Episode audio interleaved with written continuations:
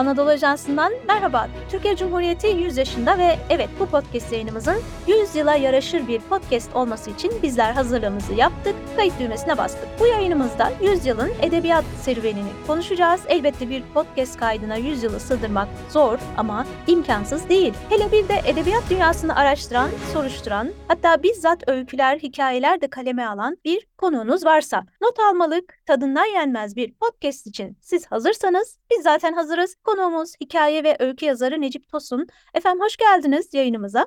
Hoş bulduk. Merhabalar. Merhabalar. Sizi yeniden e, konuk etmiş olmak bizim için çok iyi oldu. Özellikle bu özel yayında. Çok sağ olun bizi kırmadığınız için. Ben teşekkür ederim. Şimdi biz Cumhuriyet'in bir 100 yıllık panoramasını çıkaralım istiyoruz. Roman, öykü, hikaye çerçevesinde neler yaşanmış, neler olmuş. Bu böyle bir programa sığmayacak kadar aslında geniş bir konu ama sizin de anlayışınıza sığınarak birkaç sorumuz olacak. Böyle Cumhuriyet'in kuruluşundan bir başlasak, Cumhuriyet'in kuruluşundan öncesinden başlasak. 1923'e kadar yani Türk roman ve öyküsünün tarihi gelişimini özetlemeye çalışsak ne çıkar ortaya? Namık Kemaller, Şemsettin Samiler, ve tabii ki e, Türk Edebiyatı Cumhuriyet'le başlamıyor. Erken dönemde de özellikle roman ve öykü ağırlıklı e, nitelikli yazarlarımız ortaya çıkmış. Onların pek çok güzel eserleri var ve Türk Edebiyatı tarihimiz bir bütünlük içerisinde ele almalı. Tabii bugün e, özel durumumuz Türk Edebiyatı'nın, Türk romanının ve Türk öyküsünün e, 100. yılı olduğu için 100. yıla daha ağırlık e, vereceğiz. Tabii işte 1923'e gelinceye kadar Türk Edebiyatı'nın ağırlıklı olarak bir etki altındaki edebiyat olduğunu söylemek mümkün. Tabii bu etki altında ama nitelikli eserler üretilmemiş anlamına gelmiyor. Erken dönemde romancılarımız modern anlamda roman örnekleri örneklerini ortaya koymak için elbette bunun en iyi yapıldığı yer Avrupa'ydı ve Avrupa edebiyatını biraz tanımaya, onların iyi örneklerini okumaya, o ıı, roman türünün Türkiye'de temsiline ve örneklerini vermeye çalıştılar. O dönemi hatırlarsak özellikle Tanzimat'tan itibaren Türk ıı, aydınının, entelektüelinin, edebiyatçısının daha çok Batı'yı tanımak, Batı'nın değerlerini Türkiye'ye getirmek yolunda bir çabası olduğunu görürüz. Hem düşünürler, gazeteciler, entelektüeller e, böyle davranırken e, aslında edebiyatçılarımız da böyle davranmışlar. Oranın özellikle Avrupa'nın Paris ve Londra e, merkezli edebiyat anlayışı, anlayışlarını ülkemize taşımaya çalışmışlar. Bunu yaparken de hem gelenekten yararlanmışlar hem de e, Batı e, normlarındaki edebiyat anlayışının örneklerini vermeye çalışmışlar. Ben burada e, sizin de sözün ettiğiniz pek çok e, yazardan bahsedebilirim ama oda kalmak istediğim yazar Ahmet Mithat. Ahmet Mithat'tan söz etmek istiyorum.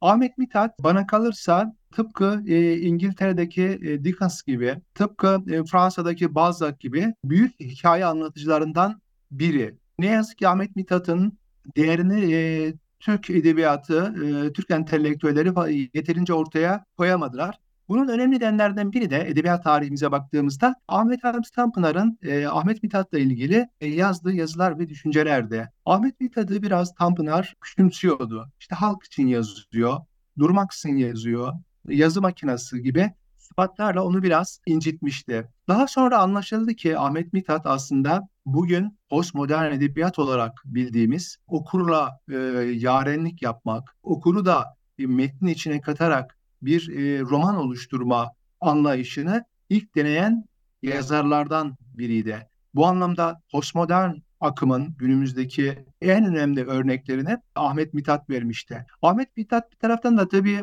hem batılı değerleri Türkiye'ye taşımak, ülkemize taşımak, e, bir yandan da batılı değerlere karşı nasıl direnç göstereceğimizi, geleneğimizde uymayan yönlerine dikkat çekmişti. Bu anlamda Ahmet Mithat'ın Türk edebiyatında, Türk romanında, Türk öyküsünde ayrıksı bir yeri olduğunu düşünüyorum. Belki yaptığı edebiyat yüksek edebiyat değildi ama okuma yazma bilmeyen bir halka romanı sevdirdi, hikayeyi sevdirdi. O dönem belki yüksek edebiyat yapmanın e, zamanı değildi. Okumayı, okuma alışkanlığını geliştirme daha önemliydi. Ahmet bir Mithat bunu yapmıştı. Ama sadece bu e, görevlerinden dolayı onun niteliksiz bir edebiyatçı olduğunu söylemek zor. Ben e, pek çok romanını sonradan yeniden gözden geçirmiştim. Mesela Müşahadat muhteşem bir romandı. Felahattin Bey ve Rakım Efendi ile Rakım Efendi çok iyi bir romandı. Çengi yine çok iyi bir romandı. Elatun Bey ile Rakım Efendi'yi siz sanırım ayrı yerde tutuyorsunuz. Ayrı bir önem veriyorsunuz ona.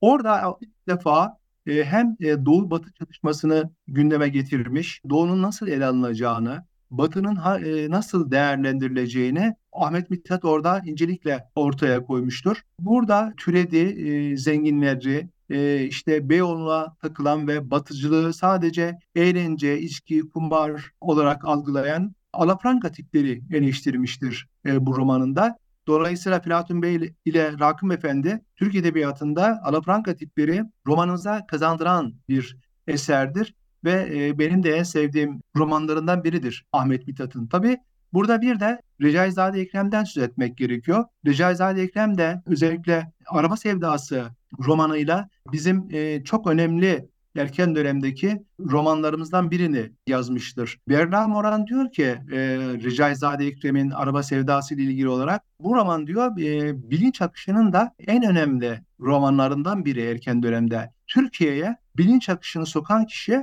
Berna e, Moran'a göre Recaizade Ekrem'in Araba Sevdası romanı. Şimdi iki romancıdan bahsettik. Cumhuriyet öncesi bir tanesi Ahmet Mithat, bir tanesi Recaizade Ekrem. Buraya baktığımızda ilk e, postmodern e, roman örneğini de Ahmet Mithat veriyor. İlk bilinç akışı örneğini de Recaizade Ekrem veriyor. Dolayısıyla bizim edebiyatımız, özellikle ilk dönem edebiyatımız güçlü bir edebiyat. E, burada şu hatayı yapıyoruz. Yani bir etki altındaki edebiyattan söz ediyoruz elbette bu dönemde. Ama burada sanki hiç nitelikli eserler üretilmemiş gibi çok klişe bir söze saplanıp kalıyoruz. Oysa o dönemde çok nitelikli eserler üretildi. Bunların en önemli iki yazarı bence Recaizade Ekrem'le Ahmet Mithat'ta.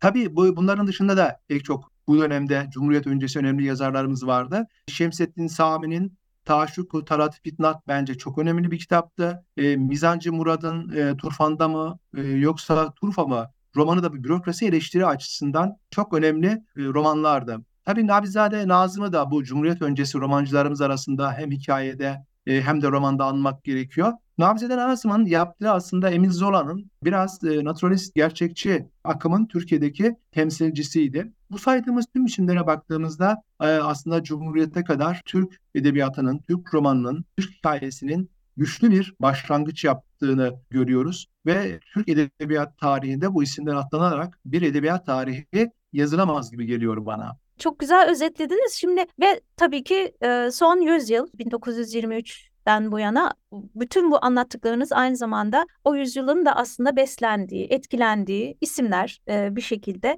Son yüzyılda ülkemizde yaşanan siyasal, kültürel, sosyal değişim, dönüşüm bunlar romana yansıyor değil mi hocam bir şekilde? Bu elbette, elbette. Türk roman ve hikayesinin ana duraklarını bu açıdan anlatmanızı istesek. Evet. Hanım şöyle bir e, Türk edebiyat tarihine baktığımızda Keza dünya edebiyat tarihine de e, baktığımızda onların özellikle kırılma anlamında e, bir sosyal kültürel e, devrim yaşandığında bunun mutlaka edebiyata e, yansıdığını görürüz. Roman ve şiirde, hikayede bu kırılmalar romana, hikayeye, edebiyata yansırlar. Bizim gibi çok çalkantılı bir sosyal hayat, kültürel hayat yaşamış e, ülkelerde tabii bu daha sıklıkla olur. Biz çünkü 200 yılda yaşanması gereken bir batılılaşma olayını çok kısa sürede 30 yılda yaşadık. Bu o kadar e, derin bir e, travmatik e, durumdu ki bunun edebiyatımıza yansımaması imkansızdı. Ben bu durakları şöyle temellendiriyorum. Mesela 1890'lardan Cumhuriyet'in ilanına kadar özellikle Doğu-Batı çatışması, yenilik, alafrangalık işlendi. Biraz önce bunları anlatmıştım. Ahmet Mithat, Recaizade Ekrem, hatta bunların içerisine Mersebettin de e, katabiliriz. Buradaki burada özellikle batılılaşma, alafranga, insan tipi e, burada eleştirilmişti. Yapay, türedi batıcılık e, eleştirilmişti. 1923'ten sonra da Cumhuriyet ideolojisinin doğrultusunda bir eserler verildiğini görüyoruz. Burada da Cumhuriyet ideolojisinin temelleri oluşturulmaya çalışılıyor. E, Cumhuriyet ideolojisinin ilim ve irfana kattıkları, işte e, Türk halkına kattıkları bir anlamda e, romantik bir şekilde temellendirilmeye Cumhuriyet ideolojisinin sanat ve edebiyatta temsiline gidiliyor. Bunlardan Halide Edip'i e, anabiliriz. Belki bunları konuşacağız. Hüseyin Rahmileri, Reşat Nurileri bu bağlamda anabiliriz. 1950 Demokrat Parti iktidarından sonra ise ülkemizde özellikle köy romanlarının çok yoğunlaştığı, hikayelerin yoğunlaştığını görüyoruz. Yine bu da bizim sosyolojik ve tarihsel olarak yaşadığımız önemli kırılma anlarından biri. 1960'larda e, özellikle toplumcu gerçekçiliğin e, ortaya çıkışıyla birlikte işçi romanlarında bir yoğunlaşma oluyor. 1970'lerde bu kez ideolojik çatışmaların, anarşik olayların yaşandığı bir dönem olduğu için bunları anlatan romanlar çok ağırlık kazanıyor. Çünkü 1970'lerde e, biraz e, siyasetle sanat edebiyatın mesafesi kısalmıştı. Bunun için de daha çok siyaset üzerinden bir sanat edebiyat üretildi 1970'lerde. 1980'lerde e, bir darbe yaşadı ülkemiz. Bu darbeden sonraki e, edebiyatta tümüyle yeni, farklı bir görünüme e, büründü. 1990'larda e, hepimizin bildiği gibi e, bir postmodern dönem yaşandı. İşte fantastik, e, büyülü gerçekçilik akımların çok yaygın bir şekilde kullanıldığı oldu. Bütün bunları sosyal olaylar üzerinden eğer anlamaya çalışırsak işte Osmanlı'dan Cumhuriyete e, geçiş, tek parti iktidarı, Demokrat Parti e, iktidarı, 27 Mayıs darbesi, 1972 muhtırası, 1980 darbesi bütün bunların izlerinin sürülerek Türk edebiyatı okuması yapılabilir. E, Türk e, hikayesinin, e, Türk romanının ana hatları ortaya çıkarılabilir diye düşünüyorum. Kabaca baktığımızda karakterler de bunlar mesela Mühan Hanım. 19. yüzyıldaki karakterlere baktığımızda bunlar hep alapranga tipler. 1930'larda tek parti dönemindeki karakterlere baktığımızda özellikle Cumhuriyet ideolojisini temellendirmek için hep üçkağıtçı hoca tipleri görürüz. 1940'larda işte Said Faiklerle başlayan Sabahattin Kudret Aksal, Oktay Akbal gibi yazarlarla gelişen küçük insan tipolojisinin büyük şehirde dolaşan küçük insan tipolojisinin ağırlık kazandığını görürüz. 1950'lerde işte bu varoluşçuluk, e, Sartre ve Camus'un Türkiye'deki etkileriyle böyle e, bunalımlı tipler ortalıkta dolaşmaya başlar. 60'larda köy gerçekçiliğinde ağlar, işbirlikçi, muhtar gibi projeler ortaya çıkar. 70'li yıllarda militan tipler ortaya çıkar. Yani bu yaşadığımız, ülkemizin yaşadığı sosyolojik ve tarihsel dönemler itibariyle karakterler de oluşur. Bunların üzerinden de bir edebiyat tarihi, Cumhuriyet edebiyat tarihi okunabilir. Evet, şimdi bu ana duraklar, bahsettiğiniz ana duraklar oldukça etkili e, dönemlerdi. Bu e, edebiyat tarihine baktığımızda bir süreç görüyoruz. Sizin anlattıklarınızdan da bu ortaya çıkıyor. Bu bir dönemle başlatmanın imkansızlığını belki de görmüş oluyoruz şu an. 1923'ten itibaren bunlar bunlar oldu demek de zorlaşıyor haliyle. Evet. Ee, biraz daha detaylandırsak, Cumhuriyet'in ilk yıllarına ilişkin roman ve öykümüzü değerlendirmenizi istesek. Halit Ziya Uşaklıgil var, Halide Edip var. Çok güzel isimler var. Bunlarla ilgili neler söylersiniz? Ee, tam da dediğiniz gibi Muhan Hanım. Yani bir edebiyat tarihini bir nokta olarak ele almak mümkün değil. Diyelim e, Halide Edip adı var. Hem Cumhuriyet öncesinde romanlar yazmış hem Cumhuriyet sonrasında romanlar yazmış. Hüseyin Rahmi Gürpınar keza öyle, Reşat Nuri öyle. Ya bir Cumhuriyet yazarı diye nitelendirebileceğimiz bir e, nokta e, yazarı bulmak kolay değil. Ama bütün bunlar bir geçiş içerisinde e, romanlarını yazmaya devam etmişler. Benim burada en önemsediğim yazar Halit Ziya Uşaklıgil. Halit Ziya Uşaklıgil bana kalırsa e, modern anlamda Türk romanını kuran kişilerden biri.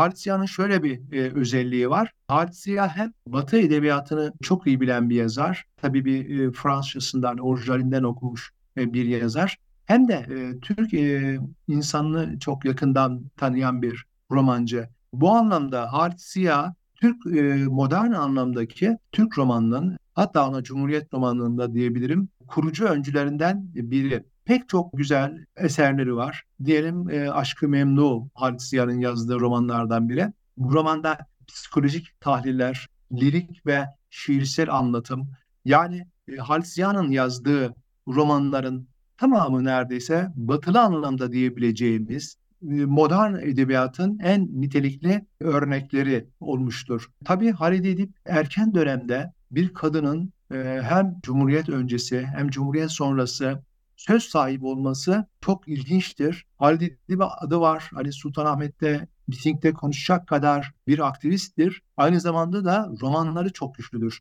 Dolayısıyla Halid Edip'in e, Türk edebiyatındaki entelektüel konumu çok önemlidir. Şey de yapmamıştır. Yani ne Türk örneği bir batıcı ne, ne Türk örneği bir e, doğucu yerde de durmamıştır. Halide Edip adı var. Türk insanını çok yakından tanıdığı için, Kurtuluş Savaşı'na da çok yakından tanıklık ettiği için Doğu-Batı çatışmasını en adaletli şekilde romanlarında işleyen, Kurtuluş Savaşı'nı en sağlıklı işleyen e, yazarlardan biridir. Mesela onun en benim beğendiğim, Türk Edebiyatı'nda da hani yeri olduğunu sandığım e, Sinekli Bakkal romanında bu Osmanlı'nın bunalımlı yıllarını, onun ardından Cumhuriyet ve daha sonra yaşananları sosyolojik, e, toplumsal, tarihi bir perspektife oturtmuş bir e, romandır ve bunu Halide Edip Adıvar'ın e, bu incelikli, e, merhametli, sağlıklı bakışından ortaya çıkmıştır. Halide Edip Adıvar yeniyi benimsiyor hiç şüphesiz.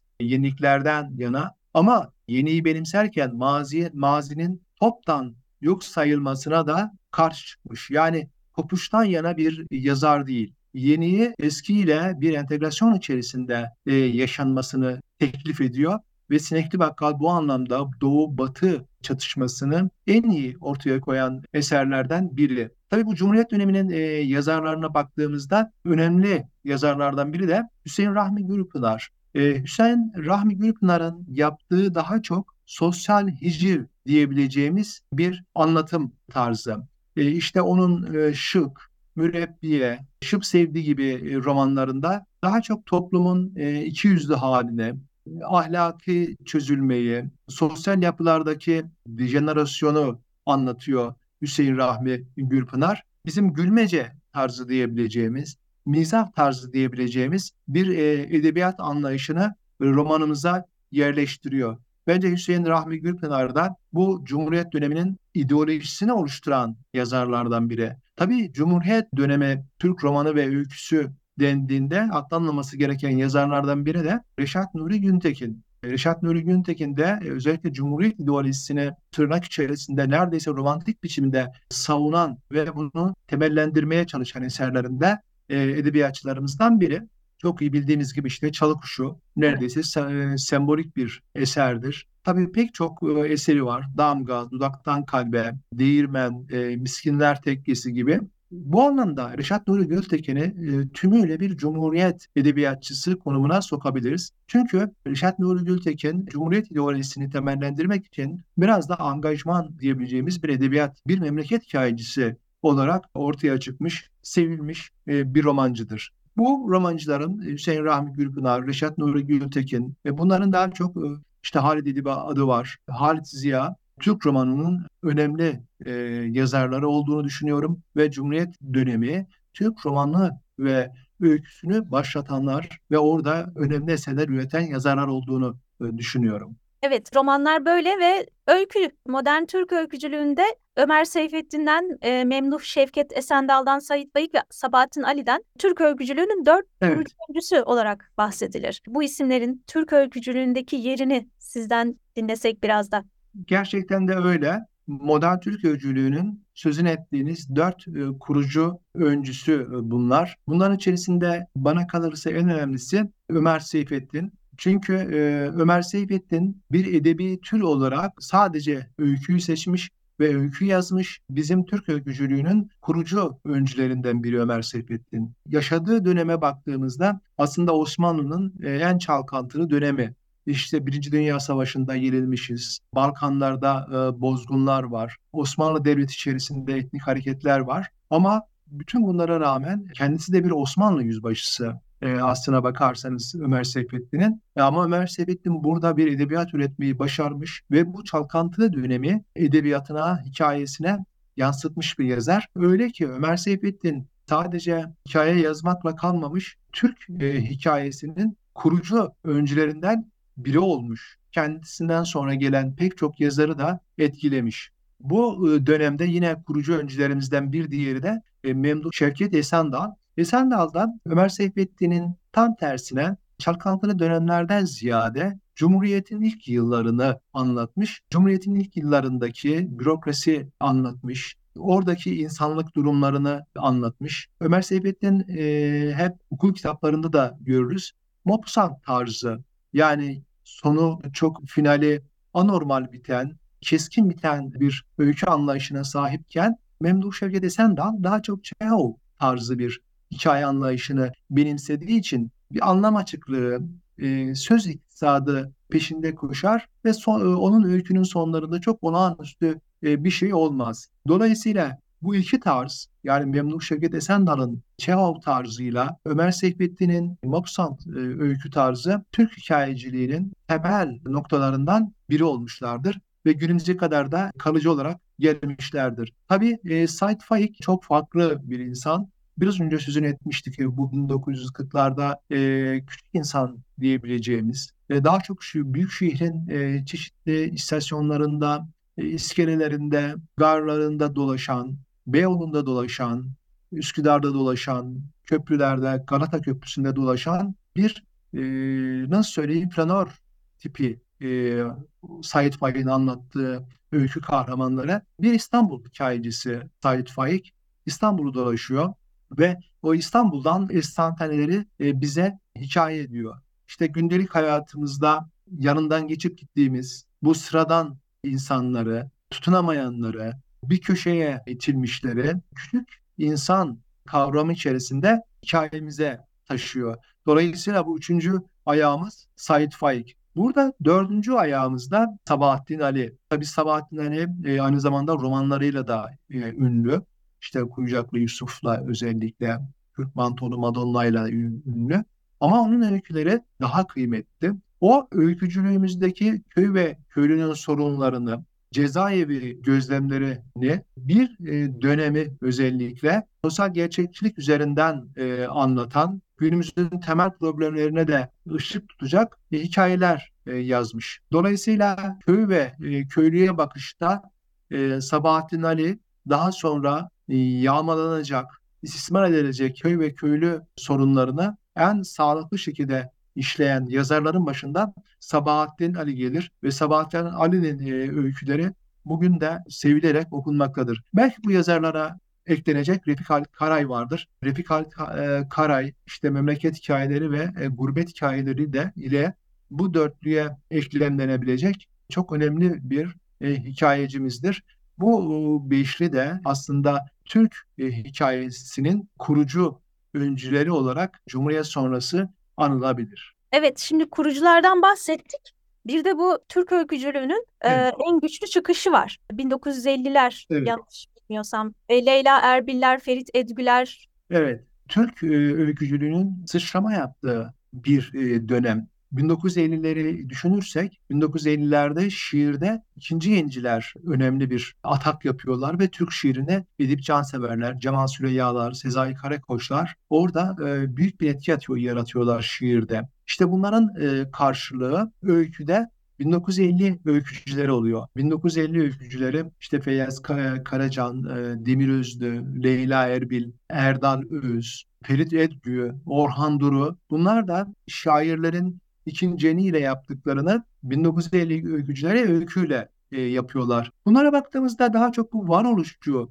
edebiyatçılardan beslendiklerini görüyoruz. Yani Sartre ve Camus'un e, ortaya attığı varoluşçuluğu bir anlamda Türkiye'de Türk insanı üzerinden bir deniyorlar, sınıyorlar. Tabii özellikle öykü anlatımı konusunda, simgesel, imgesel anlatım konusunda çok yetkinler.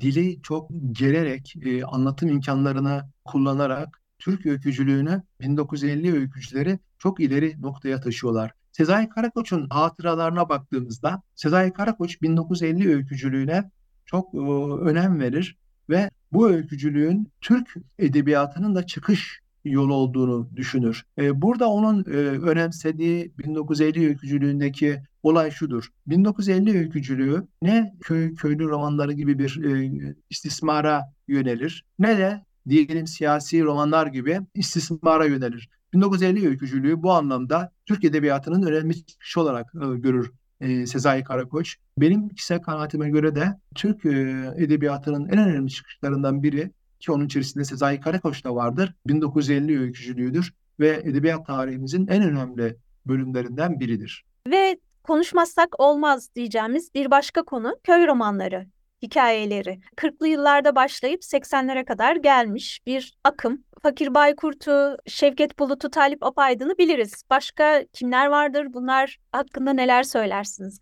Tabii şöyle bir durum var. Köy öyküleri dediğimizde, köy romanı dediğimizde Türk Edebiyatı'nın bu köy mekan olarak, insan olarak nasıl baktığını bir ortaya koymamız gerekiyor. Her zaman köy romanları ve köy öyküleri daha çok aydınlatılmaya muhtaç, hem anlayış olarak geri kalmış, e, hem teknolojik olarak geri kalmış insanları aydınlatmak isteyen bir yapının kurgulanması olarak ortaya çıkıyor bizim edebiyatımızda. Şunu demek istiyorum. Zaten geri kalmış bu köylüler. Dolayısıyla bu köylülerin hem teknolojik olarak ilerletilmesi gerekiyor hem de insan anlayışı olarak ilerletilmesi gerekiyor. Böyle bir anlayışla yola çıkılmış. Ta e, Yakup Kadri'nin yabanından başlayarak orada tabii e, köylülerin bulunduğu ortam anlatılırken neredeyse bir mağara olarak çizilir. Kurtuluş Savaşı'na e, ilgisizlerdir bu köylüler. Yakup Kadri biraz köylülerden hıncını alır e, diyeyim. Çünkü onlara biraz medeniyet dışı görür. Bizim e, bu anlayışın bizim öykülerimizde, hikayelerimizde benzer şekilde yansıdığını görürüz. Çağı kuşu da dahil olmak üzere bizim köye giden aydınlarımız, özellikle öğretmenler o köy ve köylüyü aydınlatmak isterler. Onu merkezin görüşleriyle buluşturmak e, isterler. Çünkü bu insanlar eğer kendi hallerine bıraksalar işte geleneksel değerlerle idare edecek, teknolojinin imkanlarından yararlanmayacak. Dolayısıyla geri kalmış bir insan olacaklardır. Bu romanlar, bu hikayeler ağırlıklı olarak belli klişeler üzerinden e, yürütülür. Mesela ya kan davası eleştirilir e, bu tür eserlerde. Orada bir topraklara e, sömüren bir ağ vardır. Yoksulluk vardır. E, işte kadınlar ikinci sınıftır. İnsanlar doktorsuzluktan ölürler. Yobaz bir imam vardır e, mutlaka. İşbirlikçi bir muhtar vardır. Bu, bu temalar aşağı yukarı bütün köy edebiyatındaki eserlerde, romanlarda, hikayelerde yer alır. Bu anlayış giderek bu köylülerin hizaya getirilmesi gereken, zihniyetleri değiştirilmesi gereken bir prototipe dönüşür. Şablonlaşır, klişeleşir ve oradan da büyük bir edebiyat çıkmaz. Bizim tabii ki köye sadece bu açıdan bakan, köyü e, istismar eden romancılarımız yok. Köyü çok iyi ele alan edebiyatçılarımız da var kuşkusuz. Bunların başında Sabahatliler gelir, İnce Mehmet yazarı Yaşar Kemal gelir. E, benim çok önemsediğim Şevket Bulut gelir. Yani Şevket Bulut e, köyü öylesine iyi bir şekilde ele alır ki sadece köyü bir e, bozuk düzen üzerinden okumaz. Bu, bu insanları yaşatan bir manevi değer, değerler olduğunu düşünür. E, onların insan olma bilinçlerini ortaya koyar. Dolayısıyla Şevket Bulut bu köy hikayecileri arasında ayrıksı bir yerde durur. Tabii Şevket Bulut'un bu köy yaklaşımının arkasında e, Nurettin Topçu'nun Anadoluculuk fikri yer, atar, e, yer alır e, Anadoluculuktan yola çıkarak köyü hikaye eder Şevket Bulut. Onun en büyük yol gösterici de göstericisi de tabii ki Nurettin Topçu'dur. Bu tabii Kemal Dilbaşar olsun, Başar olsun, işte Mehmet Başaran, Bekir Yıldız, Osman Şahin köyü anlatmışlar. Orada en çok tartışılan konulardan biri de bu köy roman ve hikayelerinden köy enstitüsü sorunudur. Yani köy enstitüsü bir köye ne katar, köyün sosyolojisine, iktisadına nasıl katkıda bulunur? Bu romanlarda tartışılır. Kemal Tahir özellikle köy enstitüsünün aleyhinde romanlar yazmış bir yazardır. Çünkü köy enstitüleri anlayış olarak toplumu biçimlendirmek, yönlendirmek, ona bir zihniyet aşılamak amacı güttüğü için o bireyin özgür iradesine müdahale olarak görür. Bu dönemde e, çok ilginçtir. Hiç köy görmemiş insanlar da köy romanları yazar. Öyle bir akım haline gelir ki bir de köy enstitülü yazarlar çıkar ortaya. Doğrudan köy Enstitüsü'nde okumuş, köy enstitüsünde öğretmen olan yazarlar bu köyün sorunlarını e, anlatmaya başlarlar. O kadar yaygınlaşır ki neredeyse köyü anlatmayan roman bir şekilde edebiyat dünyasında yer alamaz. Bu 1980'lere kadar gelir. 1980'lerde sanki bıçakla kesilmiş gibi köy romanları biter. Kemal Tahir erken dönemde şöyle bir e, hatırladığım kadarıyla öngörüde bulunmuştu. E, demişti ki köy artık şehre taşındı. Köydeki teknolojik imkanlar da gelişti. Bu anlamda roman büyük şehri anlatmalıdır. Dolayısıyla köy daha dar, e, yeknesak ve e, boğucu bir atmosfer olduğu için Türkiye gerçeğini tam olarak ifade etmez demişti. Er ya da geç edebiyat şehre taşınacak ve şehrin sorunlarını anlatacak demişti. Bizde o kadar çok köy romanları ve köy hikayeleri yazılmıştı ki 80'de bu özellikle toplumcu gerçekçiliğe evrilen e, yazarlarla birlikte hiç köy ve köy romanı yazılmıyor. Bu da biraz geçmişinin çok istismar edilmesinden kaynaklandığını e, düşünüyorum. Ama konuşmalarından şu anlaşılmasın. Köy anlatılmayacak, köyün sorunları gündeme gelmeyecek demek istemiyorum. İyi örnekleriyle elbette bunlar da anlatılabilir. E, Sabahattin Ali bunu yapmıştır, Yaşar Kemal bunu yapmıştır, Şevket e, Bulut bunu yapmıştır. E, bir edebiyatçı mekan olarak ister şehri, ister köyü, ister kasabayı seçsin. Asıl olan onu nitelikli bir şekilde edebiyatın gerektirdiği format içerisinde ele alabilmesi ve aktarabilmesidir. Ama e, köy romanı ve öyküsü bizim edebiyatımızda biraz sancılı bir süreçtir Mühan Hanım. Evet, şimdi Tanpınar'dan bahsetmişken Ahmet Hamdi Tanpınar ile Oğuz Atay'ın edebiyatımızda sükût suikastine evet. uğramış yazarlar olduğunu söylüyorsunuz. Bunu biraz açar mısınız? Evet, e, ben şöyle düşünüyorum. Türk Edebiyatı'nın e, çok önemli yazarları var tabii ki. Bunlardan biri e, Ahmet Hamdi Tanpınar, bir tanesi Oğuz Atay. Ama bunlar ne yazık ki dönemlerinde gündeme gelememişler, konuşulamamış ve su suikastine uğramışlar. O dönemi araştırdığımızda niye Ahmet Hamdi Tanpınar bu kadar nitelikli eserler üretmesine rağmen gündeme gelememiş? Ya da Oğuz Atay bu kadar iyi kitaplar üretmesine rağmen gündeme gelememiş. Bunu araştırdığımızda aslında o yaşanan dönemde o kitapların ortaya çıkış, çıkışının dönemi arasında bu ilgisizliğin bir paralel ortaklığı olduğunu görüyoruz. Şunu demek istiyorum. Mesela ideolojik e, beklentilerin çok yüksek olduğu 1970'lerde ya da köy edebiyatının çok e, ağırlıklı olduğu 1950'lerde ne Ahmet Hamdi Tanpınar ne de e, Oğuz Atay gündeme gelebilmiş. Bu ideolojik e, eser bekleyen, okurları düşünen yazarlar da bu akım dolayımında eserler üretmişler. Bunların her ikisinin de 1980'den sonra e, gündeme gelmesi aslında enteresandır. Çünkü 1980 ihtilali darbesiyle birlikte artık ideolojik angajman içindeki insanların sesi kısıldığı için daha özgür e, davranmış okurlar ve bu dönemde Ahmet Tanpınar'la Oğuz Atay keşfedilmiştir diye düşünüyorum. Ağzınıza sağlık. Şimdi bir de kadın yazarlar bahsini açsak. Ne dersiniz? Adalet Ağaoğlu, Nezihe Meriç, Firuzan, Sevinç Çokum. Burada da 70'lerde bir çıkış söz konusu sanırım. Ne dersiniz? Gerçekten öyle. 1970'ler ve 80'lerden sonra giderek artan bir kadın yazar topluluğundan söz etmek gerekiyor. Elbette geçmiş e, döneminde de bizim kadın yazarlarımız vardı. Ama kadın yazarlarımız daha çok işte Kerime Nadir gibi, Muazzez Tahsin Berkant gibi, Güzide Sabri gibi daha çok kadın hikayeleri, kadın romanları yazan, popüler edebiyat üzerinden ilerleyen kadın yazarlardı. Ama 1970'lerden sonra kelimenin tam anlamıyla bir kadın yazarları patlaması yaşanıyor ve oldukça nitelikli bir şekilde Türk Edebiyatı'ndan yerlerini alıyorlar. Bunlar tabii en önemlilerinden biri Adalet Ağaoğlu.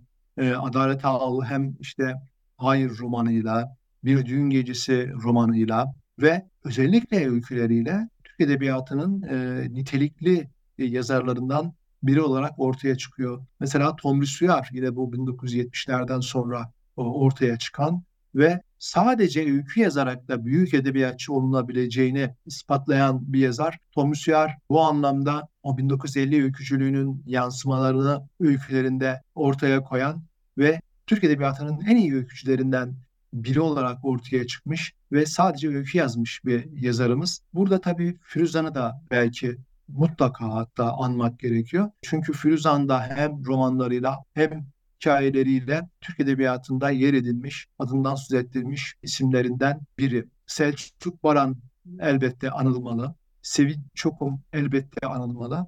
Bu dönem e, çok ilginç bir dönem e, 1970'ler. Dolayısıyla kadın yazarların öne çıktığı bir e, dönem. Hemen tabii bir kopukluk olmasın diye 80 sonrasında da yine bir kadın yazar patlaması yaşanıyor.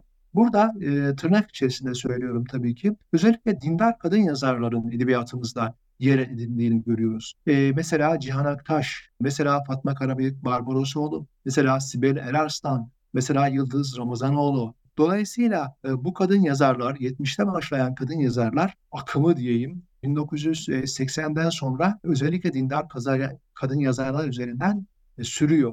Ben bunu bir söz alma, hani kadınların söz alması olarak görüyorum. Çünkü artık kadınlar e, bilime ulaşıyorlar, toplumsal alanda yer alıyorlar ve bilime, sanata ilgi gösterdikleri için kendilerini ortaya koyuyorlar ve toplumsal sorunlar karşısında da artık teklifleri var ve sözleri var. 70'lerde başlayan bu kadın e, çıkışının ben 1980'lerde de bu andığım yazarlar ve daha onlara eklenecek yazarlarla devam ettiğini düşünüyorum. Ve böylece Türk Edebiyatı'ndaki bir eksik ton tamamlanmış oluyor. Sadece erkeksi bir e, ses, eksik ve yarımdır. Hayatın her alanında olduğu gibi. Bu kadın yazarlarda bence Türk Edebiyatı'nın eksik tonlarını tamamladılar. Benim kanaatim böyle kadın yazarlarla ilgili. Evet 70'ler dedik ve 80'ler, 80 darbesi. Elbette evet. edebiyata bunun yansımaları da oldu. Bununla ilgili de neler söyleyebiliriz? Bir değil Orhan mi? Pamuk'tan, bir İhsan Oktay Anar'dan. Bahsediyoruz değil mi? Evet. evet. Tabii 12 Eylül darbesi e, şunu yaptı öncelikle tüm siyasi partileri kapattı, tüm örgütlerin üzerine gitti. Dolayısıyla artık siyaset üzerinden bir edebiyat üretmek mümkün değildi. Siyasetle edebiyatın arasına girdi. Bunun şöyle bir tersinden yararı da oldu. Artık e, bir e, ideolojik anlamda örgütlerine, partisine, mahallesine mesaj vermek zorunda kalmayan insanlar nitelikli edebiyat da üretmeye başladılar. Bu dünyada neler olup bittiğini anlamaya çalıştılar. Ülkelerinin sorunlarını bir edebiyat metni üzerinden özgürce e, yazmaya e, başladılar. Burada da tabii büyük edebiyatçılar çıktı. Buradan 70'lerin sonundan başlayarak tabii düzenlettiğiniz yazarlar çok önemliydi. Burada Mustafa Kutlular, e, Rasim Özünörenler de tabii buraya katılabilir. Özellikle 80'den sonra bunların daha da çok e, üretim yaptıklarını görüyoruz. Tabii 80 sonrası Türk Edebiyatı romanı dendiğinde e, elbette en büyük parantez Orhan Pamuk'a açılmalı. E, Nobel ödülü almış. Gerçi onun üzerinden çok fazla polemik yapıldı. Özellikle Kürtler vermenlerle ilgili söylediği sözler herkesi kırdı, hepimizi kırdı. Ama onun büyük yazar olduğu gerçeğini değiştirmez bütün bu siyasi söylemlere. Özellikle kara kitapta gelenekle modernizmi, işte gelenekle postmodernizmi bir arada anlattığı kara kitap Türk Edebiyatı'nın e, çok önemli bir e, kitabı. Benim adım Kırmızı keza öyle bir kitap. 80 sonrasına ben Orhan Pamuk'un damgasını vurduğunu düşünüyorum. Tabii İhsan Oktay Anar önemli bir romancı 80 sonrası. Benim yine kişisel kanaatime göre bu Orhan Pamuk'un açtığı yolda ilerleyen e, yazar hem e, tarihe bakış açısından o hem postmodern e, duruş açısından İhsan Oktay Anar'ın biraz Orhan Pamuk'un açtığı yolda ilerlediğini düşünüyorum. Hasan Ali Topbaş yine keza bu 80 sonrasında e, adından söz ettiren e, yazarlardan biriydi. 80 sonrasında edebiyatımızda aslında hem bireyselleşme öne çıktı hem e, yüzleşme e, temaları öne çıktı. Bir yandan da dünya edebiyatıyla bir entegrasyon yaşandı diye düşünüyorum.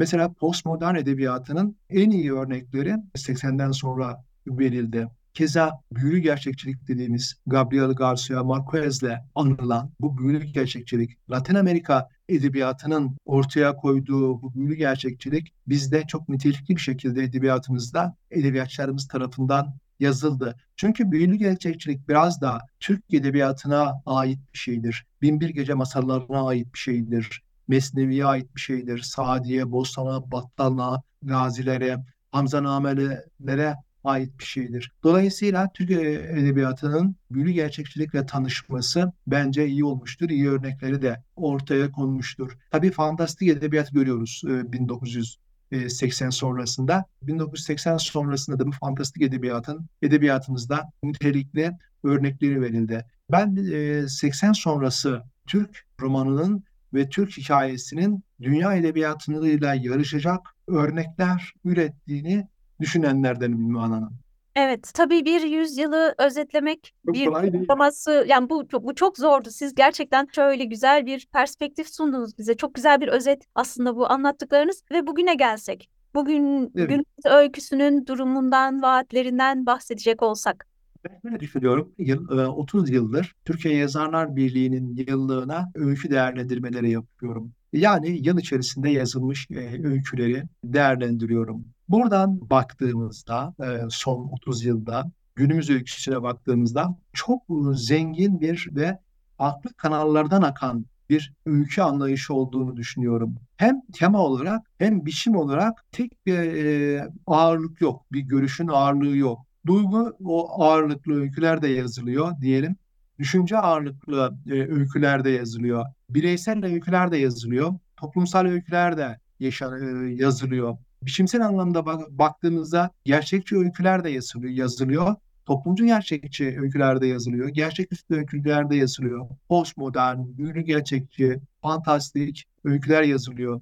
Ben edebiyatımızın hem romanımızın e, hem hikayemizin, öykümüzün çok zengin, çok farklı kanallardan akan bir büyük deryaya doğru ilerlediğini düşünüyorum. Ve günümüz öyküsüne, günümüz romanına baktığımızda gelecekte de Türk edebiyatının dünya edebiyatıyla yarışacak, onlara iyi örnekler üretecek bir edebiyat olduğunu düşünüyorum. Bu son 100 yıllık edebiyatına, edebiyatımıza böyle kuş bakışı baktığımızda Türk edebiyatının maalesef çeviriler aracılığıyla dünya edebiyatının bir parçası olamasa da kendi coğrafyasında büyük edebiyat olduğunu düşünüyorum.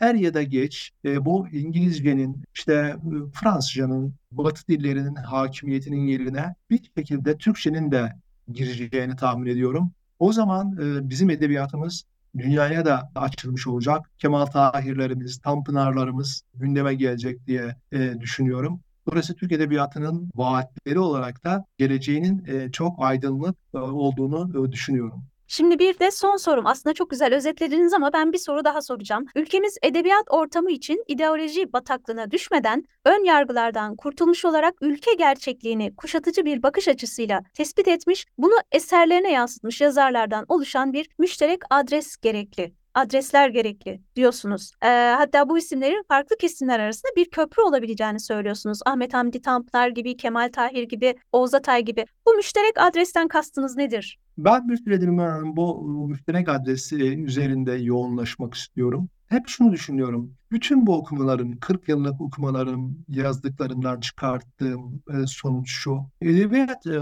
insanlar arasında bir e, ortak duygu, ortak bir dil geliştiriyor.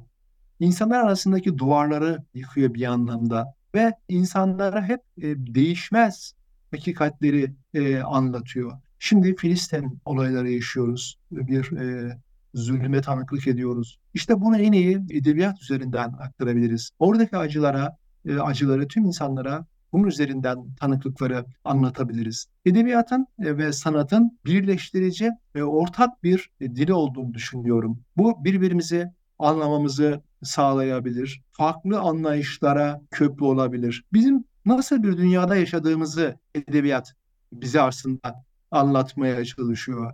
Bize bir ayna olmaya çalışıyor. Ben de Türkiye e, gerçekliğinin buluşma noktalarının bu edebiyatçılar olacağını düşünüyorum. Bu edebiyatçılar üzerinde bir buluşma sağlayabiliriz. Bu yazarlar, işte Kemal Tahirler, e, Abdullah Şinasi Hisarlar, Sabahattin Aliler, ben buna e, Orhan Pamuk'u da e, katıyorum. Yahya Kemaller, Peyami e, Sefalar.